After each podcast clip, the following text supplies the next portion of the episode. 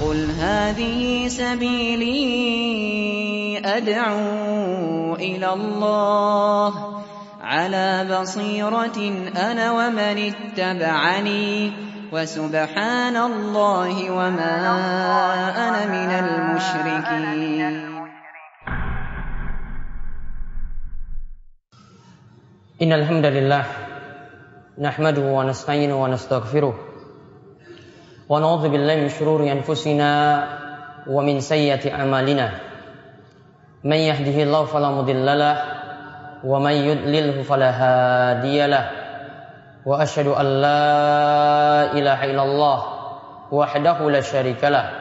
وأشهد أن محمدا عبده ورسوله. اللهم صلِّ على نبينا وسيدنا محمد وعلى آله ومن تبعهم بإحسان إلى يوم الدين.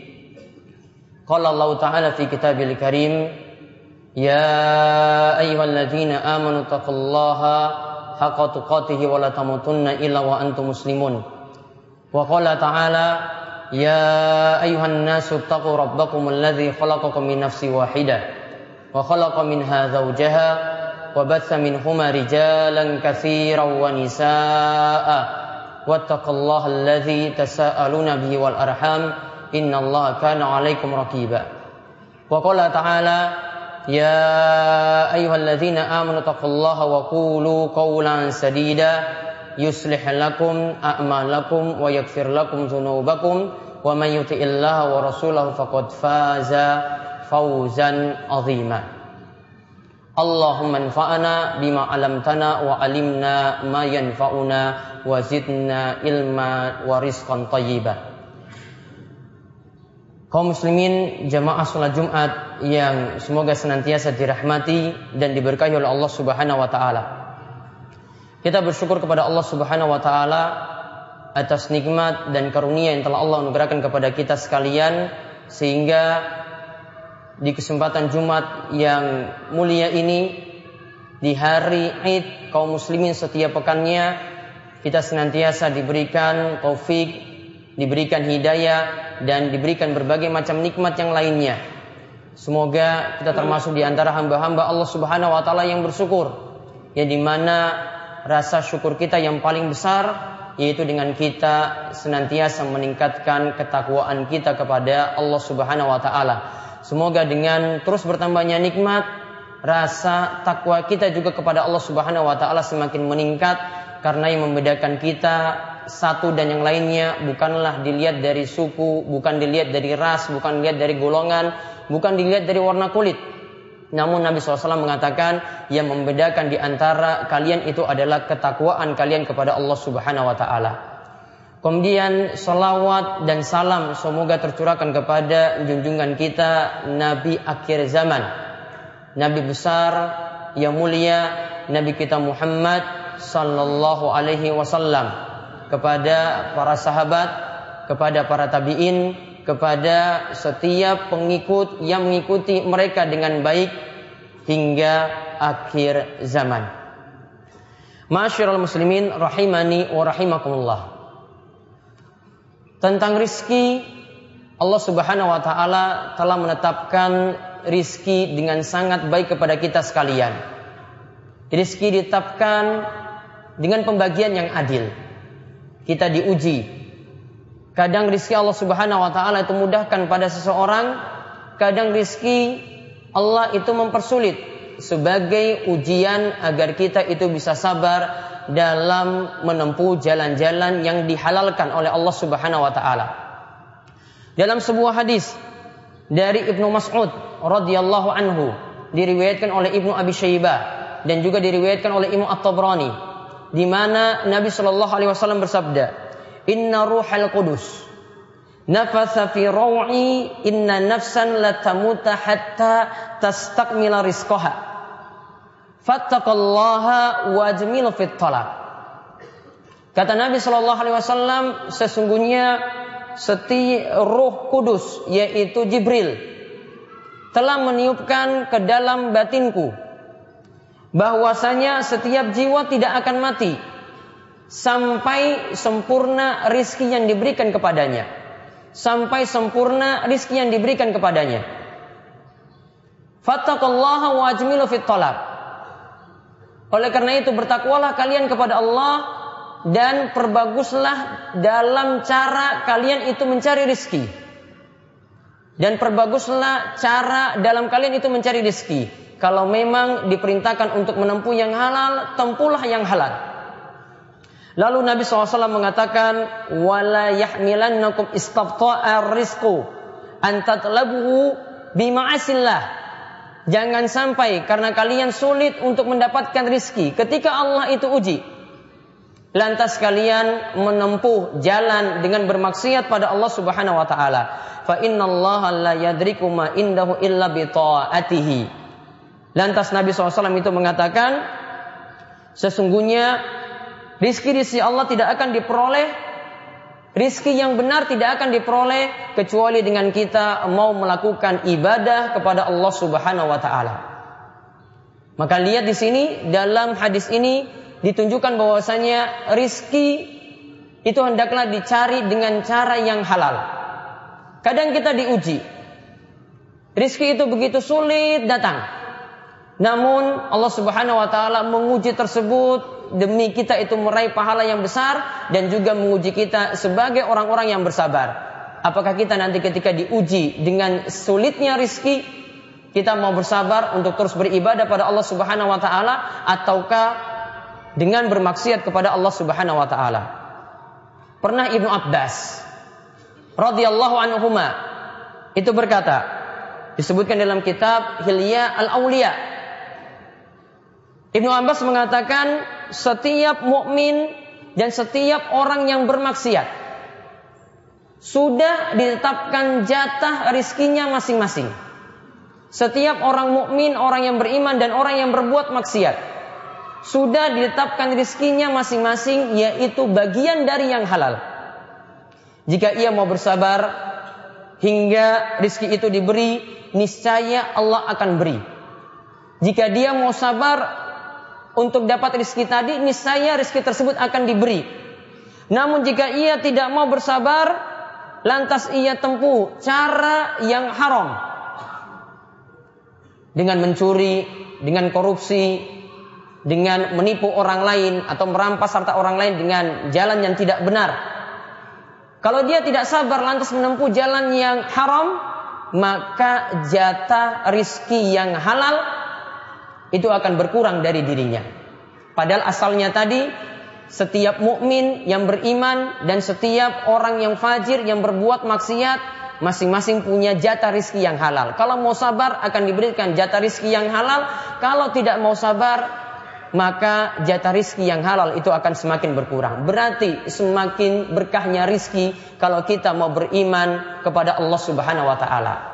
Oleh karena itu Allah Subhanahu wa taala memberikan jalan keluar bagi orang yang mendapatkan kesusahan dalam hal rizki, Allah Subhanahu wa taala memberikan jalan bertakwalah kepada Allah Subhanahu wa taala. Wa may yattaqillaha yaj'al lahu makhraja. Siapa yang bertakwa kepada Allah, maka Allah akan memberikan jalan keluar bagi dirinya. Dan juga dalam surat yang sama Allah katakan, "Wa may yatawakkal 'alallahi fahuwa hasbu." Siapa yang bertawakal kepada Allah, maka Allah lah yang akan memberikan kecukupan dan untuk terbukanya pintu rizki. Di dalam Al-Quran dan hadis telah menyebutkan amalan-amalan yang begitu ringan yang ini jika kita amalkan maka Allah akan memudahkan pintu rizki itu terbuka bagi kita semuanya. Memang syarat yang utama adalah iman dan takwa yang tadi kami sebutkan. Namun kaum muslimin yang semoga senantiasa dirahmati oleh Allah Subhanahu wa taala amalan yang pertama yang dapat membuka pintu rizki adalah dengan memperbanyak istighfar. Dengan memperbanyak istighfar. Astagfirullah, astagfirullah, astagfirullah. Ada kisah dari Al Hasan Al Basri. Suatu saat ada orang-orang yang mengadu kepada dirinya. Ada orang yang pertama yang yang mengalami kesusahan karena mengalami musim paceklik. Hujan tidak turun-turun. Ada orang yang kedua mengadu kepada Al Hasan Al Basri bahwasanya dia terus miskin. Ada orang yang ketiga mengadu kepada Al Hasan Al Basri, dia itu gagal panen. Orang yang keempat mengadu pada Al Hasan Al Basri sampai saat ini juga dia belum mendapatkan keturunan. Maka Al Hasan Al Basri mengatakan ketika itu, Untuk orang yang pertama, istighfirullah. Beristighfarlah kepada Allah. Untuk orang yang kedua, istighfirullah. Beristighfarlah kepada Allah. Untuk orang yang ketiga, istighfirullah. Beristighfarlah kepada Allah. Untuk orang yang keempat, istighfirullah. Beristighfarlah kepada Allah Subhanahu wa taala. Lantas beliau membawakan ayat dalam surat Nuh, "Fakultu astaghfiru rabbakum innahu kana ghaffara." Maka katakanlah beristighfarlah kepada Allah. Allah itu Maha Pengampun. Yursilis sama alaikum idrara. Maka dengan engkau beristighfar maka akan diturunkan hujan yang lebat dari langit. Hujan yang lebat itu turun, ini rizki. Diperoleh dengan orang itu banyak-banyak beristighfar kepada Allah Subhanahu wa taala. Kemudian pembuka pintu rizki yang kedua dengan kita menjalin hubungan kekeluargaan. Yang kita sebut dengan menjalin hubungan silaturahim. Kata Nabi Shallallahu Alaihi Wasallam, siapa yang senang Ayub satallahu fi rizkihi siapa yang senang dilampang, dilapangkan rizkinya. Dan juga dipanjangkan umurnya. Kata Nabi SAW fal yasil rahima. Maka hendaklah dia menjalin hubungan silaturahim. Kata Ibnu Hajar al Asqalani dalam kitab Fathul Bari beliau katakan silaturahim di sini artinya menjalin hubungan dengan kerabat. Dengan orang tua dia jalin hubungan dengan hubungan yang baik, dengan tetangga, dengan orang-orang yang jadi kerabat dekatnya dia jalin hubungan yang baik, dengan saudaranya dia jalin hubungan yang baik, dengan paman-pamannya dia jalin hubungan yang baik, maka seperti ini akan membuka pintu rizki. Kata Imam Nawawi, yang dimaksudkan dilapangkan rizkinya bisa maknanya dilapangkan, artinya diperbanyak rizkinya ditambah. Bisa juga yang dimaksud kata Imam Nawawi, yang dimaksud adalah Allah akan memberkahi rizki yang telah diberikan kepadanya. Kemudian yang jadi pembuka pintu rizki lagi, itu adalah dengan kita memperbanyak sodakoh. Selain memperhatikan nafkah yang wajib dan zakat yang wajib. Juga dengan memperbanyak sedekah sunnah maka ini juga akan membuka pintu rizki sebagaimana yang disebutkan dalam surat Saba. Ma min syai'in wallahu khair razikin. Allah Subhanahu wa taala berfirman, apa saja yang kalian infakkan, apa saja yang kalian infakkan, maka Allah lah yang nanti akan menggantinya dan Allah itulah sebaik-baik yang akan memberikan rizki kepada kalian. Allah lah yang sebaik-baik memberikan rizki kepada kalian. Maka lihat amalan-amalan yang ringan. Yang pertama istighfar. Yang kedua menjalin hubungan silaturahim dengan kerabat. Yang ketiga dengan seorang itu memperbanyak sedekah dengan seorang itu memperbanyak infak, sodako, maka Allah juga akan melampangkan rizki pada dirinya. Dan kita mohon pada Allah Subhanahu Wa Taala semoga kita terus dilapangkan rizki dan dimudahkan dalam rizki yang halal dan dijauhkan dari rizki yang haram dan Allah terus meningkatkan kita ketakwaan untuk menjauhi setiap yang diharamkan oleh Allah Subhanahu Wa Taala. Aku lu qouli hada, wastaghfirullah li wa lakum wa muslimin innahu was-sami'ul alim. Alhamdulillahirabbil alamin. Hamdan katsiran tayyiban barakan fi kama yuhibbu rabbuna wa yarda. Wa asyhadu an la ilaha illallah wahdahu la syarikalah wa asyhadu anna Muhammadan abduhu wa rasuluh. Allahumma salli ala nabiyyina Muhammad wa ala alihi wa man tabi'ahum bi ihsanin ila yaumiddin. Kaum muslimin yang semoga senantiasa dirahmati dan diberkahi oleh Allah Subhanahu wa taala. Di samping tiga amalan yang disebutkan dalam khutbah pertama tadi, pernah diajarkan oleh Nabi SAW kepada Ali bin Abi Thalib. Dan Ali bin Abi Thalib ini mengatakan bahwasanya doa ini adalah doa untuk mengatasi utang yang jumlahnya sepenuh gunung. Doa ini adalah untuk mengatasi utang yang jumlahnya sepenuh gunung. Ali ketika itu mengajarkan kepada seorang budak. Saat itu dia ingin bebas, dia ingin merdeka, namun dia memiliki utang yang banyak. Kemudian Ali mengatakan, aku akan mengajarimu doa yang dapat melunasi utang sepenuh gunung. Maka diajarkan ketika itu bacaan Allahumma kfini bihalalika an haramik wa agnini bifadlika amman siwa. Allahumma kfini eh, bihalalika an haramik. Ya Allah, cukupkanlah aku dengan yang halal dan jauhkanlah aku dari yang haram. Wa agnini bifadlika dan cukupkanlah aku dengan karuniamu dan tidak bergantung pada selainmu. Maka doa ini juga doa yang sangat ampuh sekali, doa yang sangat mujarab. Kalau ini kita bisa amalkan, bisa kita rutinkan, Allah Subhanahu wa taala akan membuka pintu rizki bagi kita sekalian dan juga kita akan dijauhkan dari berbagai macam kesulitan termasuk dalam kesulitan utang. Maka diajarkan tadi minta yang halal dijauhkan dari yang haram. Allahumma kfini bihalalika an haramik wa aghnini bifadlika amman siwak. Di akhir khutbah ini setelah kita mengetahui amalan-amalan yang ada tadi yaitu dengan takwa, beriman kepada Allah dengan benar, banyak beristighfar, banyak sodako, melakukan atau menjalin hubungan silaturahim, kemudian memperbanyak pula dengan doa supaya diangkat dari kesulitan.